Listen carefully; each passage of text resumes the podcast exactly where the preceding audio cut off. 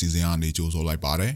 2022ခုနှစ်နိုဝင်ဘာလ24ရက်နေ့ဒီကနေ့ကျွန်တော်တို့တင်ဆက်မယ့်အစီအစဉ်မှာတော့ပရိသတ်တွေစိတ်ဝင်စားပွဲမွန်ပြည်နယ်တရင်ပြည်တွင်းတရင်တွေနဲ့အာဆီယံတရင်တရင်ပေးပို့ချက်ပြည်သူတွေသိထားတဲ့နိုင်စဉ်ကုန်စည်နှုန်းတရင်တချို့ကိုအစီအစဉ်ပထမပိုင်းမှာရွေးချယ်တင်ဆက်ပေးသွားပါပါ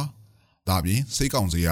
ဘွဲနဲ့ဆူဒစိုက်ပေးပြီးစီယုံနေကြောင်းလိလာသူတွေဝေဖန်နေတယ်ဆိုတဲ့သတင်းပေးပို့ချက်ကိုတင်ဆက်ပေးပါမယ်။ဟုတ်ကဲ့ပါ။ဒီကနေ့အစီအစဉ်မှုကတော့ကျွန်တော်ဆက်ပိုင်က တာဝန်ယူသွားမှာဖြစ်ပြီးကျွန်တော်နဲ့အတူမိမေရှင်မုံကသတင်းတွေကိုကူညီဖတ်ကြားပေးသွားမှာပါ။နားဆင်ကြတဲ့ပရိသတ်အလုံးကိုမင်္ဂလာပါလို့နှုတ်ခွန်းဆက်သပါရစေ။ကျွန်မမိမေရမုံကကိုဆက်ပိုင်တဲ့သူကူညီတင်ဆက်ပေးသွားမှာပါ။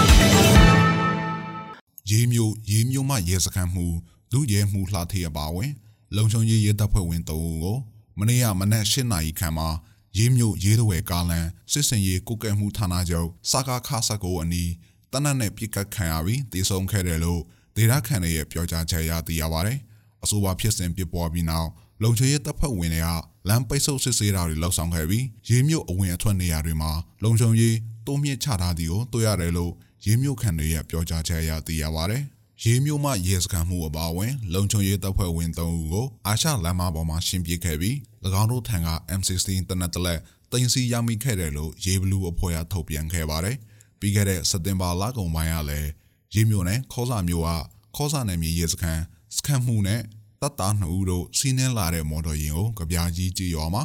ရေဘလူးအဖွဲ့ကတနက်နဲ့ဝိုင်းပစ်ခတ်ခဲ့တဲ့အတွက်ခေါစာနယ်မြေရဲစခန်းမှုအပါအဝင်လုံခြုံရေးတပ်ဖွဲ့ဝင်3ဦးလုံး သေဆုံးခဲ့ပြီး၎င်းတို့ကင်ဆောင်ထားတဲ့လက်နက်ခဲယမ်းတွေကိုလည်း တင်စီခဲ့ရတယ်လို့ရေဘလူးဖွဲ့ကထုတ်ပြန်ခဲ့ပါတယ်။အရင်နှစ်ချက်အခုနှစ်ကွန်ဒီစေထက်ဝက်ကျော်ထိုးကြနေတဲ့အတွက်ကွန်ဒီစိုက်တောင်သူတွေအတွက်တွက်ချင်မကိုက်ဘူးလို့တောင်သူတွေကပြောပါတယ်။ပြီးခဲ့တဲ့နှစ်ကအခုထားတဲ့ကွန်ဒီတွေကကွန်ဒီအဟောင်းဖြစ်တဲ့အတွက်ဈေးကောင်းရပြီမယ်။ဒီနှစ်မှအခုတဲ့ကွန်ဒီတွေကမနှစ်ကထက်စားရင်ဈေးတစ်ဝက်ကျော်ထိုးကြသွားသလိုကွန်ဒီခူးဖို့လူငှားတာတရက်ကိုတထောင်ကျပ်ကျော်ပေးရတဲ့အတွက်တွက်ချင်မကိုက်ဘူးလို့တောင်သူတွေကပြောပါတယ်။ကွန်ဒီတပိတ်တာကို6000 9000လောက်ရရင်တောင်သူတွေအတွက်နည်းနည်းသက်ရှူချောင်စီတာဖြစ်တဲ့အတွက်အဲ့ဒီလိုဈေးပြန်တက်ဖို့အတွက်ကိုနီးဆိုင်တောင်သူတွေကမျှော်လင့်နေပါတယ် အခုလိုကွန်ဒီစေးထိုးကျသွားတာကတောင်သူတွေအတွက်အရှုံးမပေါ်ပေမဲ့ဂုံကြက်စေးအကုန်လုံးနှုတ်ပြီးစားဖို့အတွက်သာကြံပြီးပိုပိုရှန်ရှန်မရှိဘူးလို့ဆိုပါတယ်။ပြီးကြတဲ့နှစ်ကကွန်ဒီ6တပိတ်တာကိုတထောင်ကျပ်အထိဈေးပေါက်ခဲ့ပေမဲ့ဒီနှစ်မှာတော့တပိတ်တာ9000ကျပ်တာရရှိပြီးအိန္ဒိယနိုင်ငံကိုကွန်ဒီတင်ပို့ရရက်နာခဲ့ရတဲ့အတွက်ကွန်ဒီ6ဈေးကြတာဖြစ်တယ်လို့ကွန်ဒီဆိုင်တောင်သူတွေကထင်ကြေးပေးနေကြပါတယ်။ KNU တမဟာ6နေမြေမှာလှုပ်ရှားနေတဲ့ KNA PDF ပူးပေါင်းထားတဲ့ကော်ပိုရာစစ်ကြောင်းကအဖွဲ့ဝင်10ဦးလိုက်ပါလာတဲ့ရိတ်ခါတင်ကားကိုဘလဲဒိုကြီးရွာနီမှာစစ်ကောင်စီတပ်ဘက်ကလက်နက်ကြီးလက်နက်ငယ်တွေနဲ့ပစ်ခတ်တိုက်ခိုက်ခဲ့ပါတယ်။ကားပေါ်မှာပါလာသူရဲဘော်တို့ချို့ပိတ်မိနေတာကိုကယ်တင်နိုင်ခဲ့ပေမဲ့အမျိုးသမီးတွေအပါအဝင်ရဲဘော်တုံးဦးကြားဆုံးခဲ့တယ်လို့အဲ့ဒီဒေတာမှာလှုပ်ရှားနေတဲ့ပြည်သူ့ကာကွယ်ရေးတပ်ဖွဲ့ကခေါင်းဆောင်သူကပြောပါတယ်။ကြားဆုံးသွားတဲ့အထက်မှာအသက်28နှစ်အရွယ်ရဲဘော်အမူအသက်22နှစ်အရွယ် ရဲဘော်လူလူဖော်အသက်20အရွယ်ရဲဘော်ကျော်ကြီးတို့ပါဝင်တယ်လို့သိရပါတယ်။ဒါပေမဲ့ထိခိုက်ဒေဆုံးတာနဲ့ပတ်သက်လို့ကော်ပိုရာစစ်ကြောင်းကတော့တရားဝင်သတင်းထုတ်ပြန်တာမရှိသေးပါဘူး။ကော်ပိုရာစစ်ကြောင်းရှိတဲ့နေရာဘက်ကိုစစ်တပ်ဘက်ကလေကြောင်းကနေပြစ်ခတ်လက်နက်ကြီးတွေတုံးပြီးထိုးစစ်ဆင်နေတယ်လို့ပြောရတယ်။ကော်ပိုရာစစ်ကြောင်းနဲ့တိုက်ပွဲဖြစ်တဲ့အခါတိုင်းအကြဆုံးများပြီးစစ်ကောင်စီဘက်ကလက်နက်ဆုံးရှုံးတာတွေကြောင့်လည်းလေကြောင်းကနေပြစ်ကူတာတွေမ ကြာခဏလှုပ်လေးရှိတယ်လို့စစ်ကြောင်းကတာဝန်ရှိသူတွေကလည်းပြောပါတယ်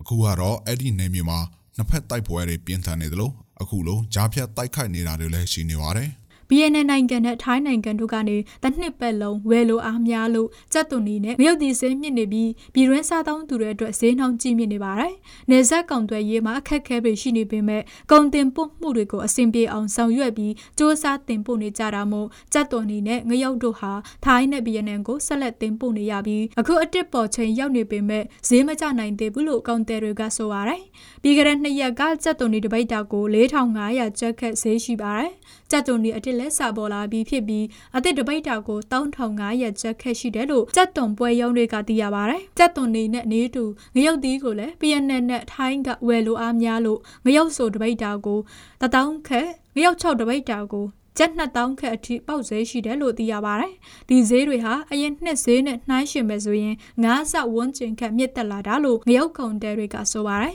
။ရခိုင်ပြည်မှာမြန်မာစစ်တပ်နဲ့ရခိုင်တပ်မတော် AA တို့ကြား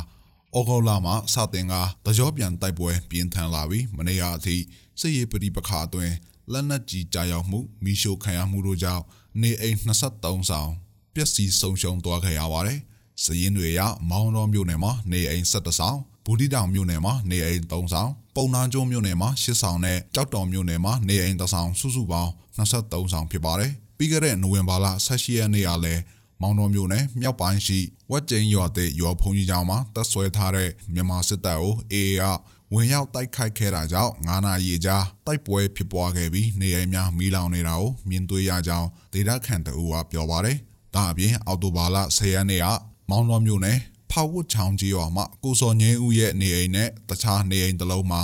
မီးရှို့ခံရမှုကြောင့်ပြာကျသွားခဲ့ရကြောင်းသိရပါတယ်။အဆိုပါ ဖောက်ဝတ်ချောင်းမှာနေအိမ်များမီးရှို့ခံရမှုမှာအေအေတပ်ဖွဲ့ဝင်များလက်ချက်ဟုမြန်မာစစ်တပ်ကတရင်ထုတ်ပြန်ခဲ့တော့လေအေအေဘက်ကတော့သူတို့လက်ချက်မဟုတ်ပဲမြန်မာစစ်တပ်ကလှုပ်ဆောင်ခဲ့ခြင်းဟုဆိုပါတယ်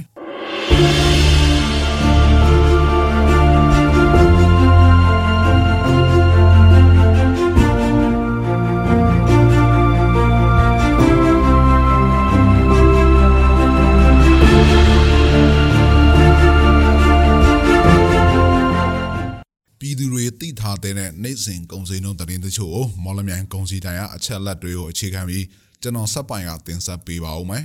ဒီကနေ့ထိုင်းနဲ့မြန်မာငွေလဲနှုန်းကတော့ထိုင်းဘတ်89ဒရမ38ဝယ်ဈေးရှိပြီးတော့ရောင်းဈေးက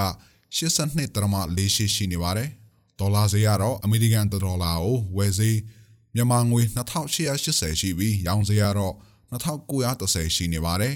ရွှေဈေးနှုန်းကတော့မီလီယံ16ပဲရင်တစ်ကြက်သားကိုရန်ကုန်ရွှေအသင်း ဒီကနေ့ဈေးဝယ်မှာ26သိန်း6000ရှိနေပြီးအပြင်ပေါက်ဈေး26သိန်းအထက်ရှိနေပါတယ်။73စီးတွေကတော့ဒီဇယ်1လီတာကို2515ကျပ်အောက်သိန်း62တလီတာကို2125ကျပ်နဲ့65တလီတာကို2225ကျပ်အထိရှိနေတာပါ။စံစည်းနှုန်းကတော့အကောင်းစားပေါ်ဆန်းမွေးအမြင့်ဆုံးကို6100ရှိနေပြီးအလဲအလက်တန်းစားဆန်မျိုးစားပေါ်ကျွဲတစ်အနှိမ့်ဆုံးကို9100ကျပ်နဲ့အမထဆန်တွေကတော့ အနှိမ့်ဆုံးကို4300နဲ့အမြင့်ဆုံးကို4500ရှိနေတာပါ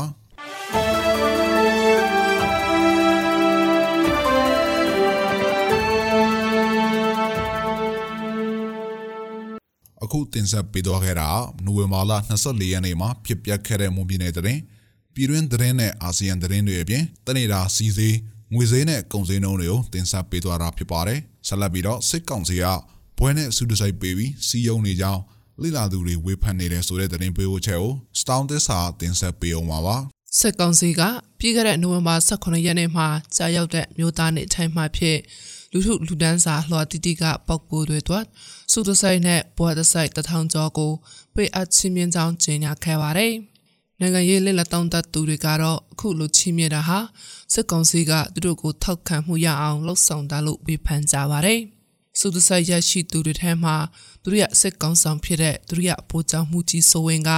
အမြင့်ဆောင်စုတဆိုင်ဖြစ်တဲ့မဟာတရေစီသူဘောရရှိခဲ့တယ်လို့ရုရှားကာကွယ်ရေးဝန်ကြီးဗိုလ်ချုပ်ကြီးဆာချေရိုင်းကိုရုရှားကာကွယ်ရေးသူဝန်ကြီးအလက်ဆန်ဒါဖိုမင်တိုကိုလည်းစစ်ကောင်စီကစီသူဘောတွေချီးမြှင့်ခဲ့ပါတယ်။ NLD ဆိုရလက်ထက်ပြန်ကြားရေးပြောင်းစုဝန်ကြီးတာဝန်ယူခဲ့တဲ့ဦးဖေမြင့်ကိုဒီရီပြန်ချီပွားနဲ့ပြန်ကြားရေးသူရဝန်ကြီးတာဝန်ယူခဲ့တဲ့ဦးအောင်လှထုံးကိုလည်းဝနကျော်သင်ဘော်တွေပေးအပ်ခဲ့ပါတယ်။စုသဆိုင်တွေပေးအပ်ရမှာတော့စုအစ်စ်အတန်းလိုက်ချွေနဲ့ပြုလုပ်ထားတဲ့သဆိုင်တွေလည်းပါဝင်ပါတယ်။ စစ်ကောင်စီပြောရေးဆိုခွင့်ရှိသူပိုးကျော်စောမင်းထွန်းကတော့ဘဒုပဲဖြစ်ဖြစ်နိုင်ငံတော်တာဝန်ဘလို့ထမ်းဆောင်ခဲ့တယ်လဲဆိုတာကပဲအရေးကြီးတယ်လို့နိုဝင်ဘာလ18ရက်နေ့ကနေပြည်တော်မှာပြုလုပ်ခဲ့တဲ့သတင်းစာရှင်းလင်းပွဲမှာပြောပါတယ်။ဟဲပါတီဝင်ဖြစ်ခဲ့တယ်။ဘဒုရဲ့လူဖြစ်ခဲ့တယ်ဆိုတာအရေးမကြီးပါဘူး။တိုင်းပြည်အတွက်နိုင်ငံအတွက်ဘလောက်တာဝန်ထမ်းဆောင်ခဲ့တယ်ဆိုတာကမှတကယ်အရေးချင်းဖြစ်ပါတယ်။ စစ်ကောင်စီရဲ့ကောင်ထုဆောင်ပေါ်တစိုက်ရရှိသူတွေထဲမှာလက်ရှိစစ်ကောင်စီပြောခွေရသူပူဇော်စောမင်းထွန်းလည်းဇရကျော်ထင်ဘွားကိုရရှိခဲ့ပါတယ်။ဘလို့လူမျိုးတွေကိုဘလို့ဘွားတစိုက်စုတစိုက်တွေပေးရမယ်ဆိုတာကိုပြဋ္ဌာန်းထားတဲ့ကွန်တုဆောင်ဘွားများကွန်တုဆောင်တစိုက်များဆိုင်ရာပြဋ္ဌာန်းချက်တွေတိုင်းဆောင်ရွက်ခဲ့တာဖြစ်တယ်လို့လည်းဆိုပါတယ်။ဘောတစိုက်တွေပေးအပ်တာဟာ သူတို့အပေါ်အမြင်ပြောင်းလာအောင်လှုပ်ဆောင်တာလို့မြို့သားဒီမိုကရေစီဖွဲ့ကြောင်း NLD စံချောင်းမြို့နယ်ဒုတိယဥက္ကဋ္ဌဥပပိုဦးကပြောပါတယ်။အခုသူကလောလောဆယ်မှာနိုင်ငံရေးရကြဆုံးနေတယ်စီရေးရသူရေးနေနေတယ်အဲ့လိုအခြေအနေမှာဗျာသူတို့ကဟိုနိုင်ငံရေးလောက်ွက်လေးလောက်ပြတယ်ဆိုတဲ့သဘောပေါ့ဗျာနော်သူတို့ဟာဒီကမ္ဘာလုံးကလည်းတည်နေတယ်ဒီလုံးကလည်းတည်နေတယ်နော်သိုးတွန်းရန်ကားပြီးတော့ လှုပ်ချင်တာတွေလှုပ်နေရဆိုတဲ့အခြေမျိုးမှာသူတို့သူတို့ကောင်းတာလေးလှုပ်တတ်ပါတယ်ဆိုတဲ့ပုံစံမျိုးလှုပ်ပြတယ်ဆိုတဲ့သဘောမျိုးပါဗျာဒီပေါ်မျိုးနဲ့လှုပ်တော့ကိုစလဲဟောင်းနိုင်ငံရေးလက်လက်တောင်းတသူဦးရထုံကလည်းစစ်ကောင်စီကခုလူပေါ်တဲ့ဆက်တွေပဲအတဟာလူထုပေါ်မှာစီအောင်ရေးစင်းတဲ့တပေါ်ဖြစ်တယ်လို့ပြောပါတယ်။ဒါတော့ကျွန်တော်အမြင်ကတော့ဟိုစီအောင်ရေးစင်းတာပေါ့ဗျာ။စီအောင်ရေးစင်းတာပေါ့။အစိုးရတရားကဒီသဘောထားကြီးကြီးထားတယ်။ နောက်ကျေပြန့်တဲ့ဒီလူလူဟိုပါပေါ့နိုင်ငံရေးအလွှာတွေလူလူလူဒန်းစားအလွှာတွေကိုဟလာအဲဒီစိတ်ကောင်းစေတနာကောင်းထားတယ်ဆိုတာကိုပြတဲ့သဘောပေါ့ကျွန်တော်တော့အဲ့လိုပဲမြင်တာပဲအစိုးရတွေကနှစ်ထုနှစ်မြတ်တွေမှာဘောတစိုက်စုတစိုက်တွေပေးအပ်တဲ့အစဉ်လာရှိပေမဲ့အခုတစ်ခေါက်မှာတော့တိုက်ခန်တွေကသဘောထားပြော့ပြောင်းတယ်လို့ယူဆရသူတွေနဲ့ကွယ်လွန်ပြီးသားပောက်ကိုတွေကိုပေးတာကတော့ ပိုပြီးထူးခြားနေတယ်လို့ဦးရထွန်းကပြောပါတယ်စုတဆိုင်ရရှိသူတွေထဲမှာပေါက်တပါရာဖောင်ကြီးတွေခရစ်ယာန်မွတ်စလင်နဲ့ဟိန္ဒူပါရာရေးကောင်းဆောင်တွေပါဝင်နေတာလည်းတွေ့ရပါတယ်။ စုတစိုက်ဘောတစိုက်ရရှိသူတွေကတော့စစ်ကောင်စီဖော်ဝင်တွေကာကွယ်ရေးဝန်ကြီးဌာနကစစ်ပတ်ဆိုင်ရာရရှိတွေတိုင်းနဲ့ပြည်နယ်ဝန်ကြီးချုပ်တွေတိုင်းသားလက်နက်ကိုင်ဖွဲ့စည်းတချို့ကကောင်းဆောင်တွေစစ်ကောင်စီကြံပေးတွေငင်းချမ်းရေးအကျိုးဆောင်တွေနိုင်ငံရေးပါတီကောင်းဆောင်တွေအစိုးရအဆက်ဆက်ကဝန်ကြီးဟောင်းတွေညွန်ကြောင်းဟောင်းတွေပဲဖြစ်ပါတယ် စစ်ကောင်စီအနေနဲ့တနိုင်ငံလုံးမှာအောက်စာလွှမ်းမိုးပြီးတော့ဆက်လက်အောက်ဆိုးထားဆက်ဖြစ်တယ်ဆိုတာကိုပြသခြင်းတဲ့အတွက်အခုလိုဘောဒဆက်တွေပေးအပ်တာဖြစ်တယ်လို့နိုင်ငံရေးလေ့လာတောင်းတသူဦးတန်းစိုးနိုင်ကပြောပါတယ်သူတို့အနေနဲ့ဗမာပြည်တပြည်လုံးကိုသူတို့အနေနဲ့ဟောတာတဲ့ရောက်ဆက်ဖြစ်တယ်ဆက်လက်ဆူမှုဆက်ဖြစ်တယ်တော့သူတို့ဆိုရရဲ့ဥဆောင်မှုအောင်မှာတိုင်းပြည်တည်ငြိမ်အေးချမ်းနေတဲ့အနေအထား ရှိတယ်ဆိုတော့ဖော်ပြခြင်းလို့ကျွန်တော်တို့အဲ့ဒီဘဝချက်ကြီးပေးတယ်လို့ကျွန်တော်ယူဆပါတယ်နောက်တစ်ခုကအဲ့လိုပြလိုက်ခြင်းအပြင်နော်တည်သွားတဲ့လူတွေပဲဖြစ်ဖြစ်ရှင်းနေတဲ့လူတွေပဲဖြစ်ဖြစ်အဲ့ဒီလူတွေဟာဒီလက်ရှိစစ်ကောင်စီရဲ့အုပ်ချုပ်မှုနော်အဝန်းဝိုင်းကိုလက်ခံပြီးမှပြီးတဲ့လူတွေဖြစ်တယ်ဆိုတာကိုဖော်ပြဖို့အတွက်ကျွန်တော်တို့ဒီပေါ်စင်တော်ပြီးပြတာလို့ကျွန်တော်ယူဆပါတယ် ဒါပေမဲ့လက်တွေ့မှာတော့တိုင်းပြည်ဟာနိုင်ငံရေးစိတ်ရေးစီးပွားရေးပြည်ပခမျိုးစုံကြုံတွေ့နေရပြီးတိုင်းပြည်နှစ်ချမ်းကွဲလို့ဖြစ်နေတာလို့ဦးတန်းဆိုနိုင်ကဝေဖန်ပါတယ်။ ချီးမြှင့်ထိုက်သူတွေကိုချီးမြှင့်တာတွေကျေးဇူးတင်ထိုက်သူတွေကိုကျေးဇူးပြုခြင်းဟာမင်္ဂလာတစ်ပါးဖြစ်တဲ့အတွက်အမျိုးသားအောင်ပွဲနေ့မှာချီးမြှင့်ထိုက်သူတွေကိုချီးမြှင့်ခဲ့ခြင်းဖြစ်တယ်လို့2022ခုနှစ်ဇန်နဝါရီလ4ရက်နေ့လွတ်လပ်ရေးနေ့မှာ1290ဦးတမတော်နေ့မှာ889ဦးနှစ်ဆန်းတရက်နေ့ဧပြီလ18ရက်နေ့မှာ146ဦးကိုအလားတူချီးမြှင့်ခဲ့တယ်လို့ဗိုလ်ချုပ်စောမင်းထွန်းကပြောပါတယ်။ အဲဒါကြောင့်စစ်ကောင်စီလက်ထက်မှာချိမြစ်ခဲ့တဲ့ဘွားတစိုက်စုတစိုက်စုစုပေါင်း4312ဦးချိမြစ်ခဲ့ပြီးဖြစ်တယ်လို့ဆိုပါရရှင်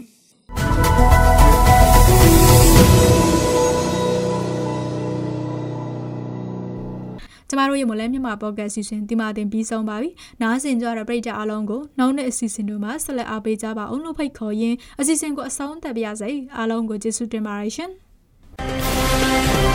။